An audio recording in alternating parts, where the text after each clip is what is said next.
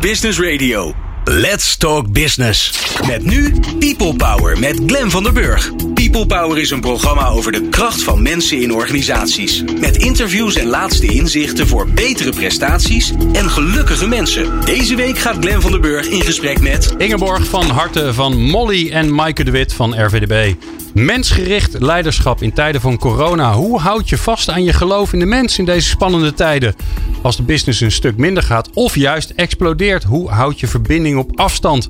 En hoe zorg je dat je eigen twijfel en angst je niet in de weg gaan zitten als leider? We gaan in gesprek met Ingeborg van Harte. Zij is Head of People and Places bij Molly. En wat Molly is, dat hoor je straks. Ik weet het toevallig wel, misschien jij ook wel hoor. Maar ik had er uh, tot een maand geleden nog niet van gehoord. Maar ze zijn wel heel erg uh, uh, aan de weg aan timmeren. En Maaike de Wit, zij is de CEO van RVDB.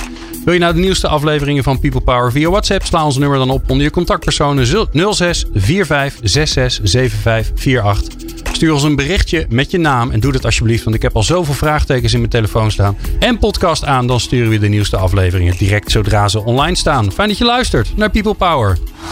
People Power met Glen van den Burg. Ingeborg van Harte van Molly en Maaike de Wit van RVDB in de studio. Wat leuk dat jullie er zijn. Vinden jullie het ook leuk? Ja, ja toch? Ja, ja, ja. ja. ja. Ingeborg. Um, um, um, Molly, ik ben klant van jullie. Leuk. Sinds, uh, sinds, sinds denk ik twee weken. Wat verkoop je? Uh, nou, nog niet zo heel veel. Dus je hebt nog niet zoveel aan me. Maar uh, ik, ik ging voor een vriendin uitzoeken hoe je een webshop moet maken. Dus dat kan ik ondertussen. Dat is een van die fantastische skills. Dat moet je kunnen tegenwoordig. En um, dus toen heb ik hem ook gelijk maar op mijn eigen site gedaan. Dus je kan mijn boeken kan je kopen op, mijn, op onze site. En dan betaal je via Molly. En dan betaal je, ja. Dan ga je afrekenen en dan via een webshopje. En dan uiteindelijk kom je bij Molly terecht. Dus dat is wat jullie doen. Ja, dat is ook de beste manier om het uit te leggen. Nou, dus dankjewel. We doen online betalingen. Ja. Dus iedereen die een webshop heeft of iets online wil laten betalen door een klant, die kan dat doen bij een aantal leveranciers, waaronder Molly. Ja, en de meeste mensen in Nederland en de meeste ondernemers doen dat ook via Molly. Ja, jullie zijn echt groot, hè? Want ik, ik, uh, sinds ik weet dat jullie bestaan, uh, ik koop de laatste tijd ook heel veel online, net zoals iedereen. Dan zie ik steeds vaker valt het me op dat jullie daar uh, tussen zitten. Ja, we zijn inderdaad enorm gegroeid. Uh, en ik denk dat heel veel mensen die wat minder online kochten, dat in de afgelopen maanden natuurlijk steeds meer zijn gaan doen.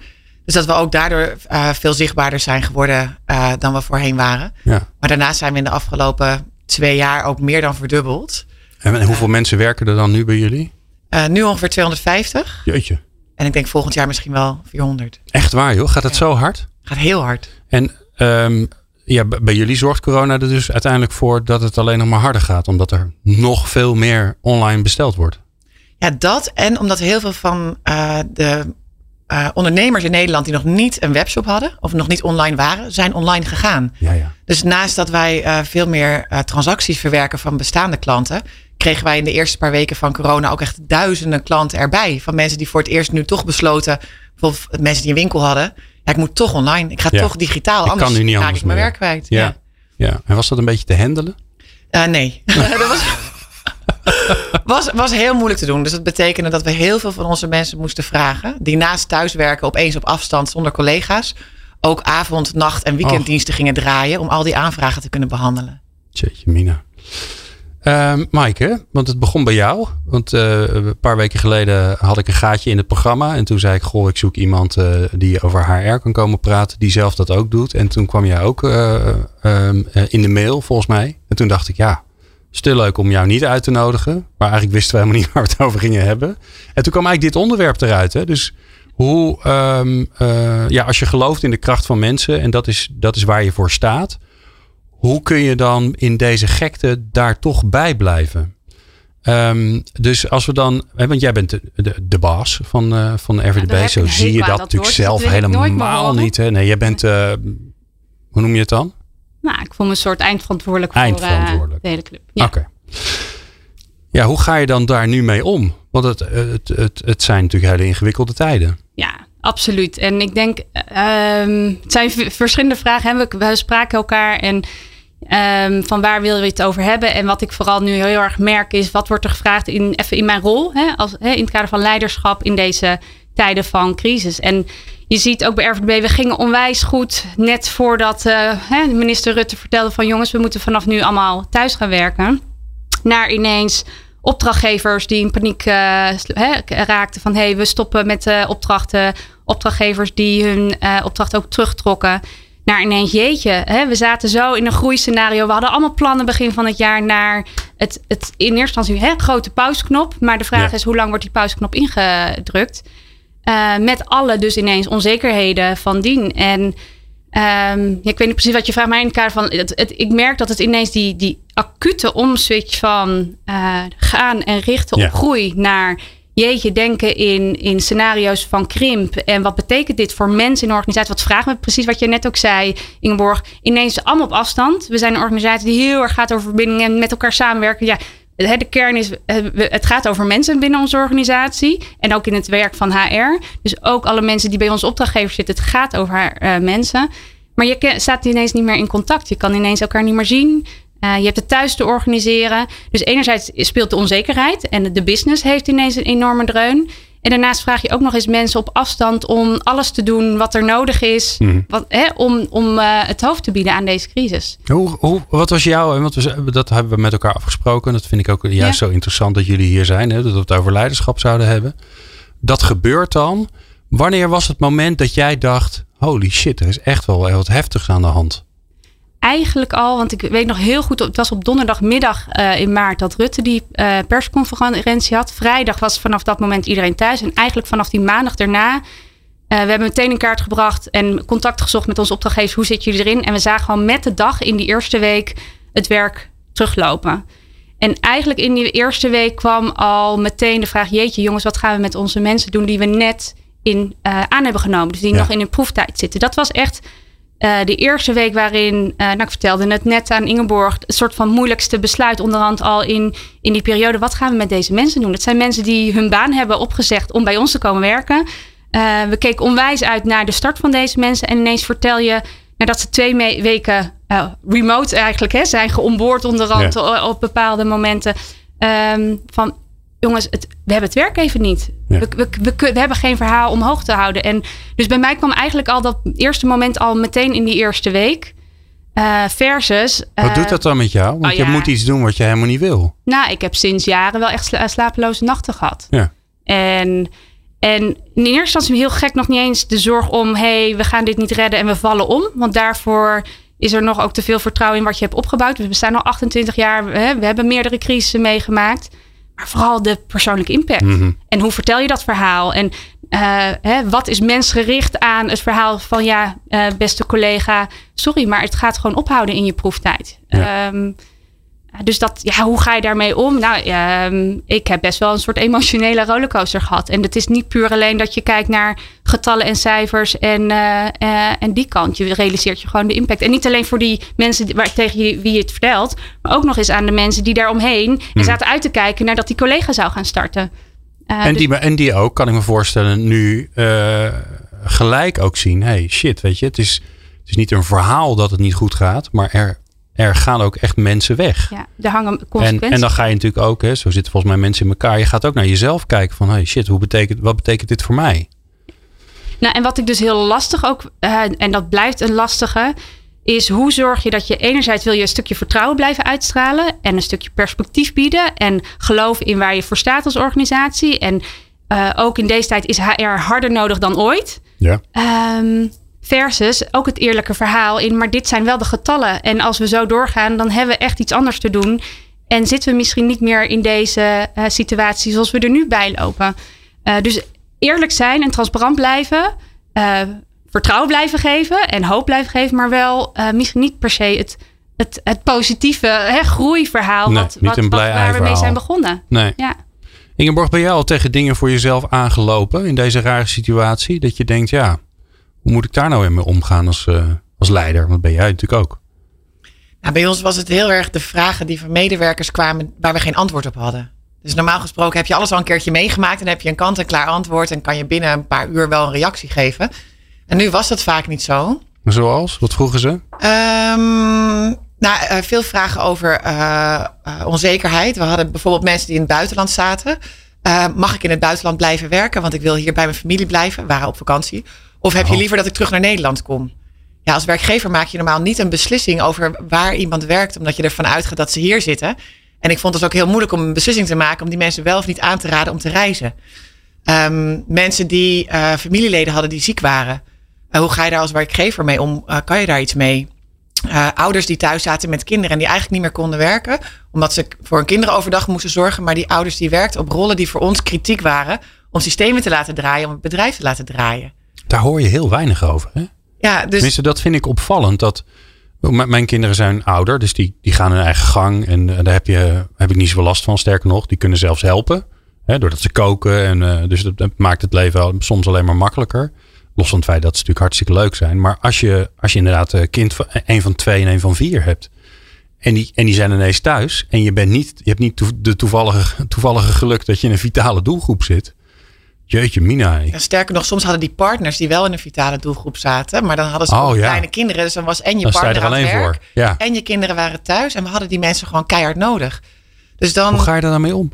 Nou, dat kan op verschillende manieren. Wij hebben helemaal losgelaten wanneer mensen bijvoorbeeld bereikbaar moeten zijn. Dus uh, je hoeft ook niet de hele dag te werken. Je geeft gewoon aan wanneer het lukt. En als het niet lukt, geef het ook even aan. Maar voor sommige mensen hebben we bijvoorbeeld oppas geregeld. Okay. Niet iedereen wilde dat. Uh, maar ik ben zelf een voorbeeld van waarbij het echt nodig was om mijn werk te moeten uitvoeren. Ik heb ook twee kleine kids. Uh, thuiswerken was eigenlijk helemaal geen optie. Nee. Uh, dus dan ga je per persoon maatwerk leveren. Om te zorgen dat die mensen zich comfortabel voelen en gerustgesteld in hun situatie. Niet alleen over dat we respect voor ze hebben en hun thuissituatie. En niet iets verwachten wat niet kan.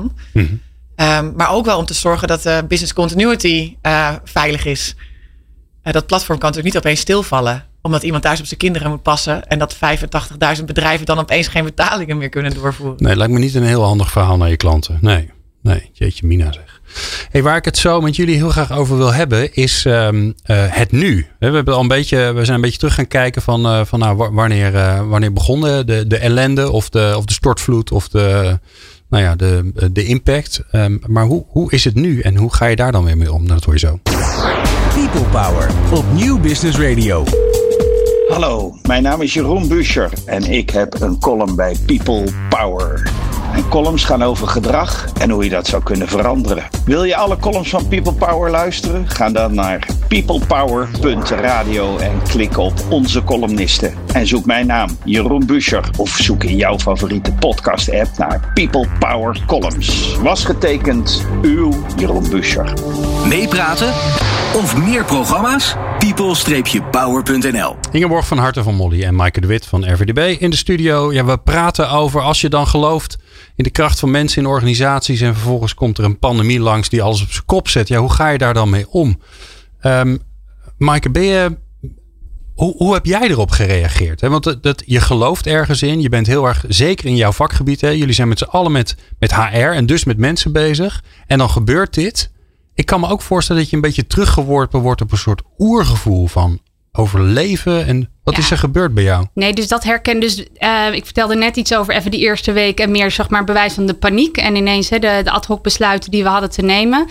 Maar vervolgens eh, de energie inderdaad die loskwam. Hé hey jongens, we hebben een soort business actie focusplan nodig. Eigenaren erop.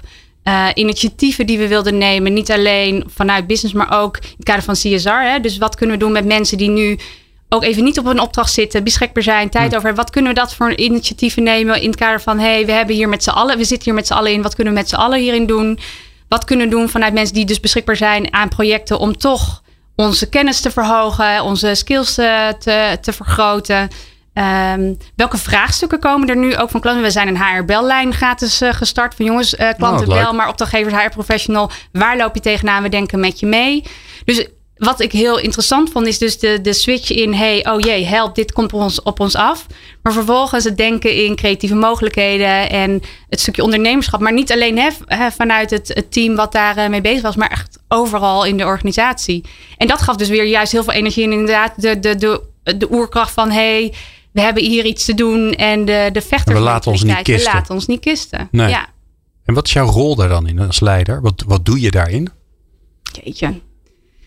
Ehm, nou, ik denk wel dat eh, ik ben iemand denk die heel graag wil horen hè, hoe zitten mensen erin, wat zien ze aan mogelijkheden. Dus vooral ook wel heel veel vragen stellen en luisteren. Ik ben iemand die niet meteen op de zeepkist gaat staan. Oké jongens, en dit is wat we gaan doen. Ik ben niet die als eerste de koers bepaalt en vooruit loopt, denk ik, op de troepen. Ik heb meteen in die eerste, op die eerste dag een team om me heen verzameld die net nog wat groter was dan het leadership team. aan mensen waarvan ik dacht die we nodig hadden om hier doorheen. Denk ook aan communicatie, uh, collega, et cetera. Ehm, en vanuit dat team het gaan verdelen. hey, oké, wie gaat zich op dat business vraagstuk richten? Wie gaat op uh, dat CSR? Dus heel erg wel het meer ook even organiseren. En zorgen dat iedereen in stelling is gebracht. En wel met de, de neuzen dezelfde kant op gaan. En dus de worsteling in enerzijds wel proberen het eerlijk en transparant verhaal proberen te vertellen. Dus ik ben elke week gaan communiceren. We hebben elke week uh, mailing gedaan. We hebben uh, live Ask Me Anything sessies georganiseerd. Waarin mensen online allemaal konden inloggen. Vragen konden stellen. Uh, dus ik ook geprobeerd om heel toegankelijk te zijn. In, weet je, het maakt niet uit welke vraag je hebt. Stel hem alsjeblieft. Want waarschijnlijk met jou nog twintig andere collega's. Uh, dus ik ben ook wel, denk ik, hè, wat ben ik gaan doen? Denk ik wel even proberen het gezicht te zijn. Ook al ben je niet eens meer live het gezicht, maar toch online het gezicht te zijn voor de organisatie in alles wat er gebeurt. Maar wel heel duidelijk met het team. Dus hè, ik, ik, ik doe het niet alleen en samen met een team. Ben je ergens van geschrokken van jezelf? Want um, ik kan me ook heel goed voorstellen dat dit gebeurt. Nou, dat is nogal heftig. Het heeft ook nog eens een keer een onwijs heftige impact op jullie organisatie. Van groeiperspectief naar nou, bijna 180 graden de andere kant op. Ik kan me ook voorstellen dat er dingen in je boven komen dat je denkt, hoe komt dit ineens vandaan? Nou, ik heb denk ik in de eerste week gedacht, jeetje, word ik nu getest? Hè? Dus vorig jaar, ik ben vorig jaar eigenlijk voor het eerst in een soort waarnemende rol gekomen in deze, hè, als eindverantwoordelijke. Uh, dat ging effectief dus heel erg goed. Zakelijk gezien ging dat heel goed. En we gingen het tweede jaar in en ineens bam. Dus, dat, dus een echt soort van persoonlijk moment. Oké, is dit nu een test, Mike? Hoe ga je dus hiermee om? Uh, de verbazing zat denk ik wel een beetje in ergens de veerkracht toch ervaren van... oké, ja, we zitten echt wel in een hele heftige situatie. Maar hè, ik heb hè, we hebben door te gaan. Uh, ik heb een hele goede coach die ik eigenlijk begin dit jaar had gezegd van nou Isabel, dank. uh, ik ben een jaar verder. Misschien moet ik even iets anders doen in het kader van mijn ontwikkeling. Nou, en twee maanden later heb ik uh, Isabel, ik heb je keihard oh. nodig. Dus ik heb gewoon mijn coaching weer uh, dichtbij getrokken. Ja. Um, ja, ik vind het lastig. Hè? Er zijn uh, heel veel dilemma's en heel veel ehm, persoonlijke denkdilemma's. Maar wel, ik denk de verwazing wel in, oké, weet je, maar ik blijf wel staan. En, hè, dus ik heb... Want er wordt ook naar je gekeken hè, ja, in zo'n crisis. Dat ze ineens denken, oh, hè, bedoel, daar waar je voorheen misschien niet zo, niet zo zichtbaar of niet zo nodig was, ben je dat nu wel. Ja, en daar ben ik dus denk ik minder mee bezig. Dat, ik denk dat wij aan zich een bescheiden club zijn. Weet je, uh, doe maar wat je hebt te doen, want dat is belangrijk. Uh, versus uh, realiseren, en dat is even weer verplaatst. Hé, hey, wat hebben mensen nodig? Hè? Hebben mensen dus wel dat gezicht nodig? En hebben ze iemand nodig die dus wel even dus, hè, vooruit loopt en vertelt: hé hey, jongens, hier gaan we er op deze manier mee om. Um, ook zo'n radioprogramma. Ik kreeg hem via via van, goh, hè, is dit niet iets voor jou? Het zou niet mijn eerste stap zijn om aan te melden. Hey Glenn, ik vind het fijn om hierover te praten. Alleen ik realiseer me dus wel, ik heb wel een verhaal te vertellen over waar we mee bezig zijn. En dus dat meer gaan doen is misschien de, de uitdaging eh, voor de komende tijd. Mooi. Uh, Ingeborg, hoe, hoe hou jij dat, dat mensgerichte waar je in gelooft, hoe, hoe hou je dat uh, stand terwijl het gekkenhuis is? Terwijl je inderdaad, wat je net zei, dat je mensen moet vragen om, om s'avonds, s'nachts met z'n allen, alle hens aan dek. Hoe, hoe combineer je die twee dingen? Ja, wij hebben eigenlijk vanaf de eerste week dat gemerkt dat het zo druk werd. Um, bij ons uh, heeft HR, of in dit geval ik wel gezegd, we, we nemen de interne communicatie naar de medewerkers uh, waar. Uh, dus onze CEO en CFO die deden wel een wekelijkse en daarna een tweewekelijkse soapbox waarin ze vertelden wat zijn de financiële cijfers, we doen het goed, een hart onder de riem, maak je geen zorgen. Niet over je baan in ieder geval. Ja. Uh, want dat wilden mensen ook wel vooral horen de eerste paar weken. Moet ik me zorgen maken of ben ik oké? Okay? Nou, iedereen was oké. Okay. Um, dat is wel grappig, hè? Want dat klinkt zo logisch. Maar er zijn zo weinig leiders die dat doen, hè? Ja, en er waren zo belangrijk is. Die hadden partners en vrienden die hun banen kwijtraakten. Ja. En dan is het zo belangrijk voor jezelf om te weten: ben ik veilig? Uh, ja. Ben ik oké? Okay? Toen we dat eenmaal, of die, die boodschap is echt wel helder overgekomen. Uh, en wekelijks heb ik toen een corona-e-mail gestuurd. Natuurlijk namens ons hele leadership team met wat mensen konden verwachten van de organisatie. En iedere week ging dat gepaard met een soort van ludieke actie. En dat was om de engagement hoog te houden. Mm -hmm. En dat begon de eerste week van nou bestel vooral even je work from home equipment. Maar de tweede week kregen ze bijvoorbeeld allemaal mooie plan thuis. Want oh. die work from home uh, situatie moest ook wel groen en gezond zijn.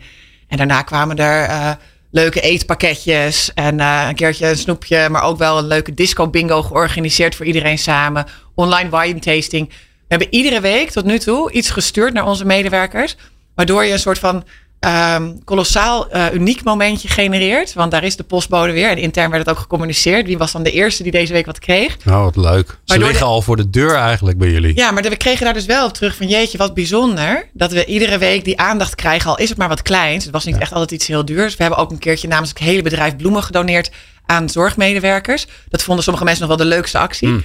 Maar meer dat we iedere week met z'n allen dat gevoel creëerden. We doen het met z'n allen. We zijn allemaal blij weer met iets. En dat Molly constant naar de medewerkers heel veel waardering uiten. En het gaat natuurlijk niet alleen maar om cadeautjes. We hebben ook uh, hashtag Molly is hier. Heel erg ingestoken op mental health en coaching. Dus mensen vanaf het begin af aan gezegd: hier is een learning and development team. Die staan voor je klaar. Dit zijn hun nummers, hun e-mailadressen voor zover je ze nog niet kende. Uh, hebben individuele coaching aangeboden. Mensen een abonnement gegeven op Headspace. Zo'n app om te mediteren en rustig te worden. Ja. Dus ja, heel veel opties geboden. Uh, zonder dat je te veel maatwerk levert. Uh, voor mensen om ja, zich goed te voelen met de situatie. Ik kan me ook voorstellen dat zo'n zo'n um, uh, moment dat de postbode komt. Het klinkt een beetje. Vroeger was dat heel vroeger. Voor jullie tijd was dat natuurlijk al interessant. Wat zit erbij? Zeker als je jarig was of zo. Maar dat is natuurlijk ook een moment dat je even met, weer verbinding hebt van. Oh ja, ik werk bij dat bedrijf. En ze denken aan me. Um, hoe vullen jullie dat in? Nou, daar zit. Um, ik zou willen dat ik elke week cadeautjes uh, zou kunnen rondsturen. En dat, dat bedoel ik niet vervelend, maar dat is natuurlijk even wel welk signaal ja. geef je daarin. We hebben wel bijvoorbeeld allemaal persoonlijke kaartjes van hè, de teamleads gestuurd. Echt met even een persoonlijke tekst. Dat hoeft niet veel te kosten. Ja. Um, hetzelfde effect kan ik me Hetzelfde effect. Dus wij hebben heel erg gestuurd op ook dichtbij dat contact. Dus in de teams uh, met elkaar. Uh, dat contact zoeken. Uh, op verschillende manieren ook gekozen om contact en uh, communicatie te doen. Dus wat ik net al zei, die wekelijkse updates, die Ask Me Anything online. HR is heel erg in gaan stappen op vitaliteit. Dus die heeft elke week een thema rondom hoe houd ik het gezond. Er zijn collega's geweest die nu die zijn opgestaan in die webinars geven rondom die getraind zijn in mindfulness en mm, dus die dat ineens online aan het geven zijn. Um, we hebben ook alle soorten Ask Me Anything vragen op, op een rij gezet, zodat ze dat konden teruglezen. Um, dus we hebben in de communicatie denk ik op heel verschillende manieren gezocht naar hoe zorg je dat je mensen uh, in contact met ze bent, maar ook heel dichtbij wel bij teams ook uh, gezocht. Um, en ik merk inderdaad dat dat echt cruciaal is. Van hoe sta je in contact met nog de mensen, uh, ook al zie je ze niet. Ja, we hadden in, in, in een vorige aflevering in de column van Aukje Nauta, die noemde uh, onderzoek waaruit bleek dat uh, eh, 40% van de ondervraagden nog niet gebeld was door de leidinggevende tijdens de coronaperiode. 40%. Nou, volgens mij uh, vergeet je dan even wat je vak is.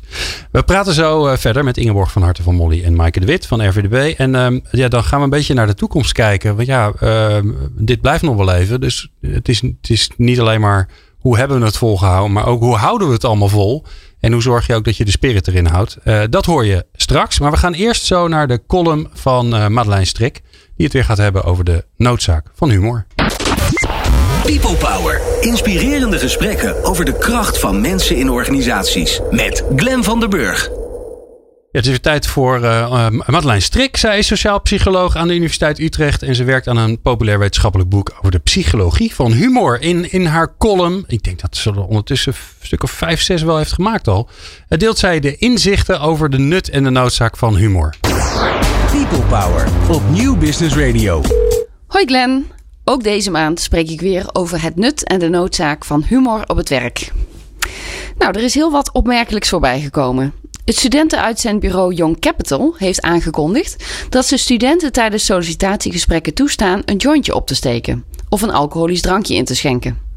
Dat zou helpen tegen de zenuwen. Bakkerij Dunselman uit Den Helder liet weten dat ze het brood alleen nog maar s'nachts bezorgen. Supermarktketen Jumbo gaf aan dat ze de winkel anders willen inrichten. De producten in de supermarkt worden niet meer op thema, maar op kleur bij elkaar gezet. Dus alle rode verpakkingen bij elkaar, of het nu tomatensaus of pure chocolade is. En de blauwe blikjes tonijn komen naast de blauwe bessen en de blauwe vaatwastabletten. Nou, uiteraard waren dit allemaal 1 april grappen van bedrijven. De laatste jaren doen heel veel bedrijven aan 1 april grappen. Ten eerste omdat ze er mits de grap aanslaat natuurlijk, gratis media-aandacht mee krijgen. En ten tweede omdat het een manier is om klanten aan je bedrijf te binden. Goede aprilgrappen worden immers zeer gewaardeerd.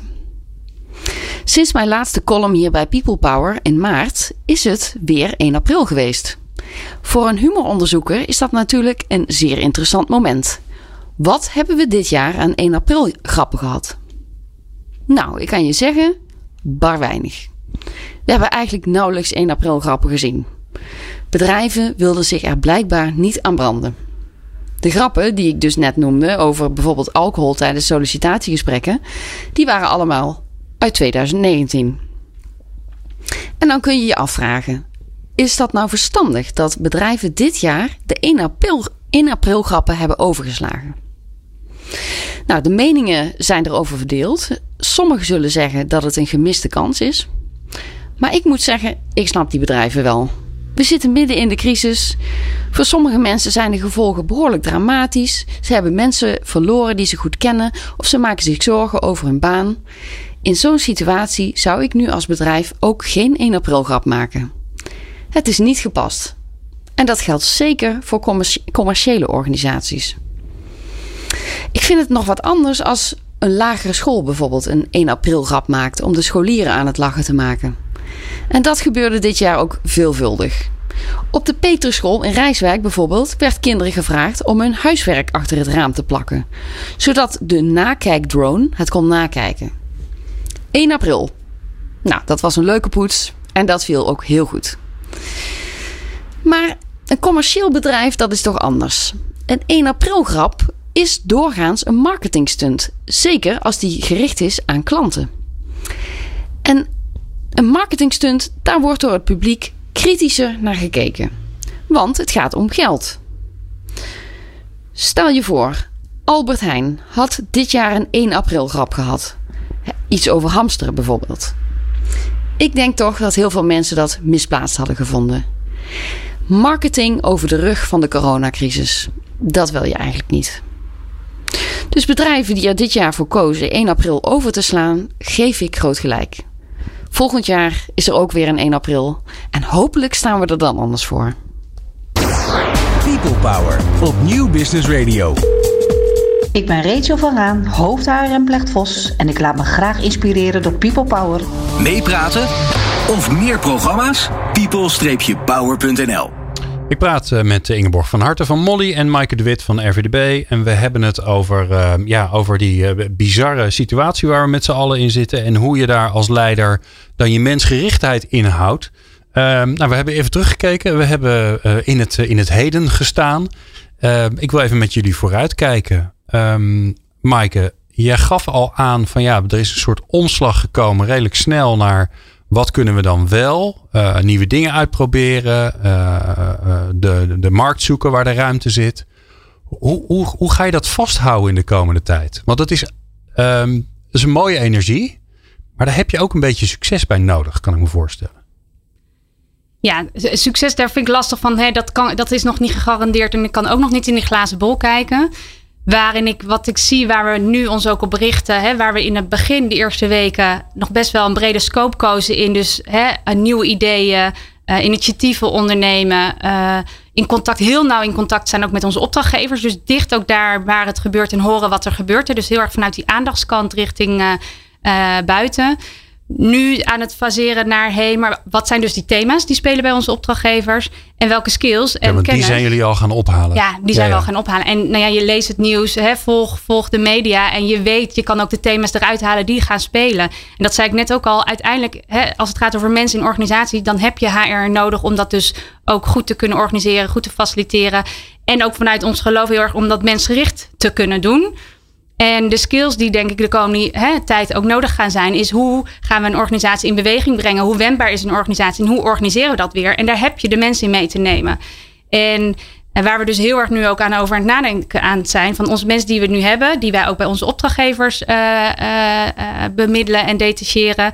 Hoe voeden wij hen met welke skills heb je dus nodig in deze nieuwe tijd? En daar zit het in een stukje empathie en creativiteit, maar ook in uh, de, de beweging maken van het nieuwe uh, normaal. En, um, en daar kan denk ik heel veel energie ook op gezet worden. En waar we denk ik nu in de komende weken ook het meer gaan uh, richten op dat soort thema's. Dus in plaats van heel erg nog denken vanuit onze dienstverlening. Hè, we doen wat in arbeidsbemiddeling. We doen wat in detacheren van HR, talent HR professionals naar meer themagericht. Wat zijn dus die klantbehoeften? En vanuit de thema's bekijken. Oké, wat kunnen wij dan doen vanuit RVB om deze klant zo goed mogelijk te helpen? En mijn geloof en mijn hoop daarin is ook dat we dus meer gaan kijken naar hey, hoe kunnen we dus dat anders doen? En meer mensgericht en welke filosofie kunnen we vanuit RVB, hoe wij daar naar kijken in hoe wij het organiseren, hoe kunnen we dat ook bij onze opdrachtgevers stimuleren? Ja. En, en verwacht je dan ook dat er een beweging gaat komen naar uh, bedrijven helpen om mensen op een andere plek uh, ruimte te geven, om talent te behouden. Ook al heb je misschien, hè, want het is natuurlijk het dilemma waar jullie zelf ook zitten. Je hebt fantastische mensen, die hebben gewoon even niets of minder te doen. Wat natuurlijk vreselijk is, want ja, bedoel, eh, los van het feit dat, dat het je onzeker maakt, is het gewoon heel vervelend om niks te doen. Um, maar zie, zie je dan aan gebeuren dat daar dan de ruimte gaat ontstaan in de markt waar jullie in opereren? En waar wij dus iets van betekenis kunnen zijn. Ja, ik denk waar wij heel goed in zijn, is ook die gesprekken voeren om dat talent naar boven te halen. En om in gesprekken te gaan met organisaties. hey, als je kijkt nu wat er gebeurt en wat je verwacht ook voor misschien middellange termijn, maar ook lange termijn, hè, het nieuwe normaal. Wat voor skills heb je dan nodig? En wat heb je dus ook al in huis om dat daar naartoe te komen? En om daarover in gesprek te gaan. En uh, ik hoop ook dat organisaties daarin heel kritisch gaan kijken. hey, wat heb ik dus al? En hoe kan ik dus uh, onze taskforce daarin uh, klaarstomen om mee te gaan. Dan wel, uh, als het niet meer past, ook daar op de juiste manier met de, uh, de, de, zorgvuldige, denk ik, gesprekken. Misschien andere keuzes te maken. Ja. En ik denk dat we daar ook niet aan ontkomen. Maar dat betekent nog niet dat je dat nog niet mensgericht kan doen. Ja. Ja, en die crisis is natuurlijk ook een katalysator voor heel veel. Hè? Nou ja, bedoel, jij vertelde het al Ingeborg, dat voor jullie geldt dat er ineens misschien de, de, de, de uh, de rechterkant van de adaptatiecurve van, uh, van uh, online winkelen. Dat die nu ineens allemaal bij jullie aanbellen en zeggen: Oh, help, we moeten nu een winkel en moeten nu kunnen betalen. dat is natuurlijk een, een versnelling in, in die business die je, die je nooit had kunnen verwachten dat dat zo snel ineens zou gaan. En dat zit natuurlijk op veel meer plekken. Hè. We hebben het al, al gehad over thuiswerken. Ja, ik denk dat Microsoft eh, Teams, nou ik had er eerlijk gezegd uh, tot een paar maanden geleden nog nooit van gehoord. Ik ben toch aardig op de hoogte van wat er speelt. Maar iedereen weet ineens wat het is. Inclusief mijn zoon van 15 die gewoon daar via les krijgt. Nou, als je dat een half jaar geleden had gezegd van dit gaat er gebeuren, dan had iedereen je voor gek verklaard. Dus er gebeuren ook rare dingen en er ontstaan natuurlijk ook op rare plekken staan er, ontstaan er ineens kansen. Um, um, dus zit daar ook nog wat in, in dat thuiswerken. Want dat is natuurlijk een. Nou, als er iets is wat volgens mij past bij ook veel meer mensgericht leiderschap, is uh, welk mensbeeld heb je? Dus waar geloof je in, in de intentie van de, hè, de mensen met wie je werkt? Ja. En ik denk als je heel erg kan kijken naar, hey, ik ga ervan uit dat mensen hier met de juiste en de goede intentie iets moois willen doen dan kun je veel meer vanuit vertrouwen uh, gaan organiseren. En dan maakt het dus niet uit of ik jou zie uh, live op ja. kantoor of dat jij uh, op afstand zit. Ja. en ik geloof veel meer in het, dat vertrouwen geven en niet, dus veel meer dat psychologische contract goed hebben en daar elke keer op in te tunen. Dan zorgen dat je je risico's indekt en contractueel zorgen dat je alles dicht timmert. Ja, daar gaan mensen niet op aan. Ja. En daar gaan mensen niet van gemotiveerd raken. Maar het leuke is, we kunnen hier de markt even consulteren. Hè, wel NS1. Um, uh, Ingeborg, um, die crisis zorgt ervoor dat je in dingen anders moet doen. Ik kan me voorstellen dat je erachter bent gekomen dat sommige dingen eigenlijk best wel heel goed werken.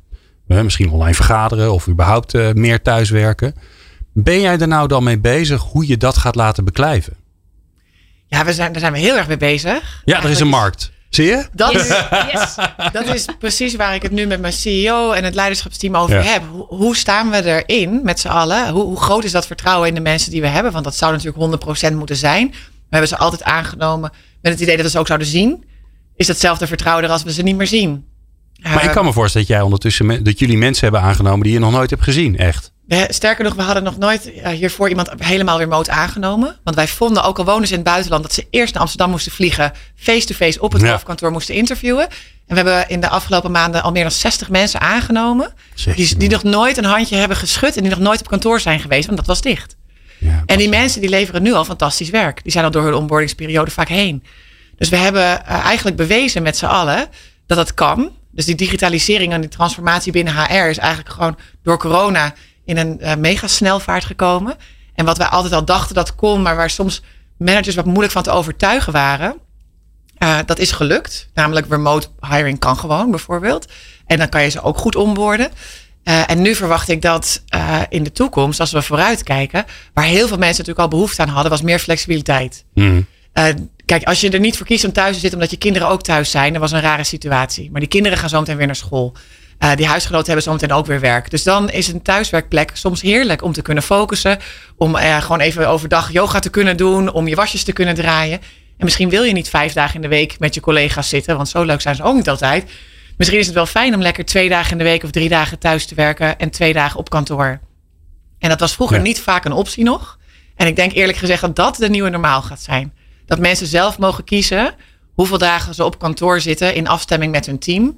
En dat die work-life balance veel beter gaat worden. Ik denk dat dit gaat bijdragen op lange termijn aan werkgeluk. Maar verwacht die, eh, zien jullie dan ook gebeuren dat, eh, doordat het niet anders kan, hè, doordat mensen op afstand zitten, doordat, je ze, doordat het controleren, hè, wat er toch in heel veel organisaties nog in zat, eh, gewoon onmogelijk is, dat mensen nu inzien dat eigenlijk de meeste mensen best wel te vertrouwen zijn. Dat ze gewoon leveren. Dat ze, dat ze misschien nog wel meer doen dan dat je verwacht had. En want die onderzoeken, hè, we zijn natuurlijk jaren geleden met het nieuwe werken begonnen. Nou, daar hoor je niemand meer over. Nu weer wel trouwens.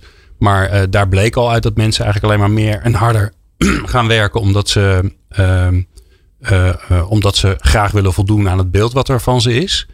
Maar zien jullie niet ontstaan dat dat vertrouwen eigenlijk een soort van bevestigd wordt? Nee. Omdat het zo is? Ik denk ja. En ik denk omdat mensen nu het vertrouwen krijgen. En niet meer eh, iemand hebben die over hun schouder meekijkt. Ja. Of die ze corrigeert of aan wie ze het kunnen vragen. Want een vraag stellen is ook wat moeilijker op afstand. Eh, dus vaak los je het zelf op. Dus je ziet dat mensen eh, autonomer en, en aan het werk gaan. En veel meer eh, verantwoordelijkheden nemen. En dat bij ons is er ook helemaal geen terugval per se in productie van mensen of in de output. Sterker nog, ze zijn veel creatiever en innovatiever soms. Ja. En nu dat ze eigenlijk vanuit die managers veel meer vertrouwen krijgen dat ze het gewoon doen. Ben jij er nou al mee bezig? Want je vertelde zelf al, het kantoor gaat eh, eh, vo- voorzichtig weer open met alle restricties die er zijn.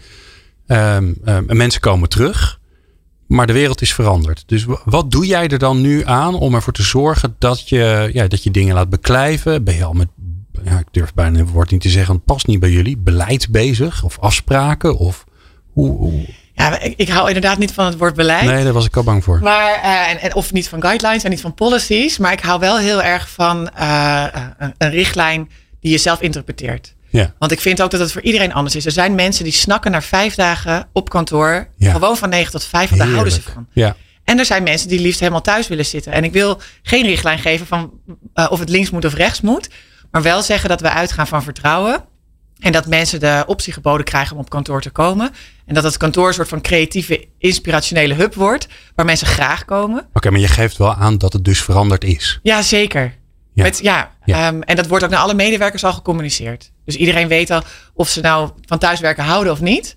Dat er, eh, zeker zodra ze terugkomen, veranderingen gaan zijn in wat er van ze verwacht wordt. Ja. En daar worden managers momenteel ook al op eh, gestuurd en gecoacht. Hoe is het bij jou? Mensen komen straks misschien weer terug. Eh, je hebt eh, zeg maar de, de, de, de eerste klap heb je online op moeten vangen, wat natuurlijk heel gek is. Hoe, hoe, zorg je dat mensen ja, weer, weer terugkomen op een, op een plek in een wereld, hun collega's weer zien en dat ze daar, ehm, daardoor versterkt worden? Nou, wat we nu aan het doen zijn, is eigenlijk bij iedereen even navraag doen. Hey, hoe is het nu eigenlijk ook bevallen om thuis te werken? Waar ben je tegenaan gelopen? Wat zijn eigenlijk de pluspunten ook die we wellicht willen behouden? Dus om ook echt even daarin op te halen. Wat zijn dat nou hè, voor onderwerpen? Want wij kunnen wel bedenken hoe we het straks willen inrichten. Maar ik denk dat het veel belangrijker is om te horen waar is de behoefte ook aan. Wat ik nu al zo een beetje tussen de regels doorhoor, is dat het inderdaad veel meer gaat over: hey, ik wil graag mijn collega's even zien. In het kader van creativiteit en inspiratie. Dan dat ik mijn werk aan zich kan ik heel goed vanuit huis doen. Ehm, dus ik verwacht ook dat we dat de contactmomenten op kantoor anders gaan inrichten. We hebben ook gezegd, want ik merk ook heel erg mensen willen eigenlijk al te horen krijgen van goh, alsjeblieft vertel, we mogen weer naar kantoor. En daar zitten wij in een dilemma en dat is veel meer een maatschappelijk dilemma. Hey, wij staan voor mijn gevoel onderhand achteraan in de keten om weer open te gaan. Hè. Er zijn zoveel andere branches die het nodig hebben om open te gaan. Eh, wij hebben niet dus de werkplek aan zich Nee. nodig. Ehm, dus wij, gaan, we hebben gezegd in, eh, in juni gaan we experimenteren van beste team. Denk eens na over hoe zou je idealiter een dag nu op kantoor willen organiseren. Wat ga je doen? Uh, neem contact op met onze office manager en ga het regelen. Dus even om dat eerste moment weer met het team live, om daar een stuk beleving en uh, fun aan te koppelen. Om het vanuit daar meer het experiment aan te gaan. Hoe werkt dat dus op kantoor? Om vanuit daar wel wat meer ja, guidelines wel. Je moet iets van afspraak gaan maken. En we zeggen nu doen we het soort van gestructureerd ad hoc gaan we het organiseren naar iets meer gestructureerd uh, weer naar werk uh, of naar kantoor komen. Maar wel ingericht op waar behoefte aan is. In plaats van we laten maar weer te teams komen en we maken een planning en ja. daarmee is de kous af. Ja. ja, dus je gaat echt van een kantoor, van een plek waar iedereen komt werken, naar ik ga ergens naartoe. Zoals je eigenlijk volgens mij ook. Hè, want waar ga je verder naartoe? Waar je niet van tevoren bedenkt, ik ga. Hè, je gaat, nou ja, we gingen uit eten. Uh, of je gaat naar je ouders, of je gaat bij vrienden op bezoek. Hè. Dus er is altijd wel een intentie van dit ga ik doen. En, en ja, zo'n kantoor is natuurlijk ook een beetje van nou, dat is gewoon, hè, dat is gewoon mijn ritme. Ik word wakker en ik stap in de auto of ik stap in de trein of op de fiets. En dan, uh, en dan ga ik werken. En dat, dat is waar je natuurlijk doorheen moet. Dat dat niet meer zo is. Dat je echt gaat nadenken van hé, wat, wat ga ik daar doen? Nou, en ik denk dat dat juist dus heel het mooie en het goede nieuws. Ja. Je gaat veel bewuster nadenken. En ik hoop daarmee ook dat we een stuk fileprobleem en overvolle treinwagons uh, gaan uh, oplossen. Dus dat soort zaken. Uh, het, het, raakt veel, een veel groter thema. Ik voel een nieuw product aankomen. Nog nieuwe dienstverlening van jullie. Mooi hè? Ja. Dames, ik, uh, ik heb er enorm van genoten. Dank jullie wel voor je openhartigheid om uh, te delen waar jullie allemaal tegenaan zijn gelopen en, uh, en hoe jullie daarmee om zijn gegaan. Volgens mij was het uitermate leerzaam. Dus uh, dank jullie wel. En heel veel succes, want het is, not, it's not over yet. No. Dus dat zal nog wel even duren. En um, ja, wij gaan straks naar de volgende aflevering. Het is een bijzondere aflevering van People Power Change. zoals gewend natuurlijk met Jeroen Buescher. Maar hij is dit keer stelt hij niet de vragen, maar hij geeft de antwoorden. Want hij is de gast. Dus ik mag Jeroen het hemd van het lijf vragen over hoe hij zijn rol als veranderaar invult. En dat hoor je in de volgende aflevering van People Power. Let's Talk Business op Nieuw Business Radio. Praat mee via @nieuwbusradio_nl.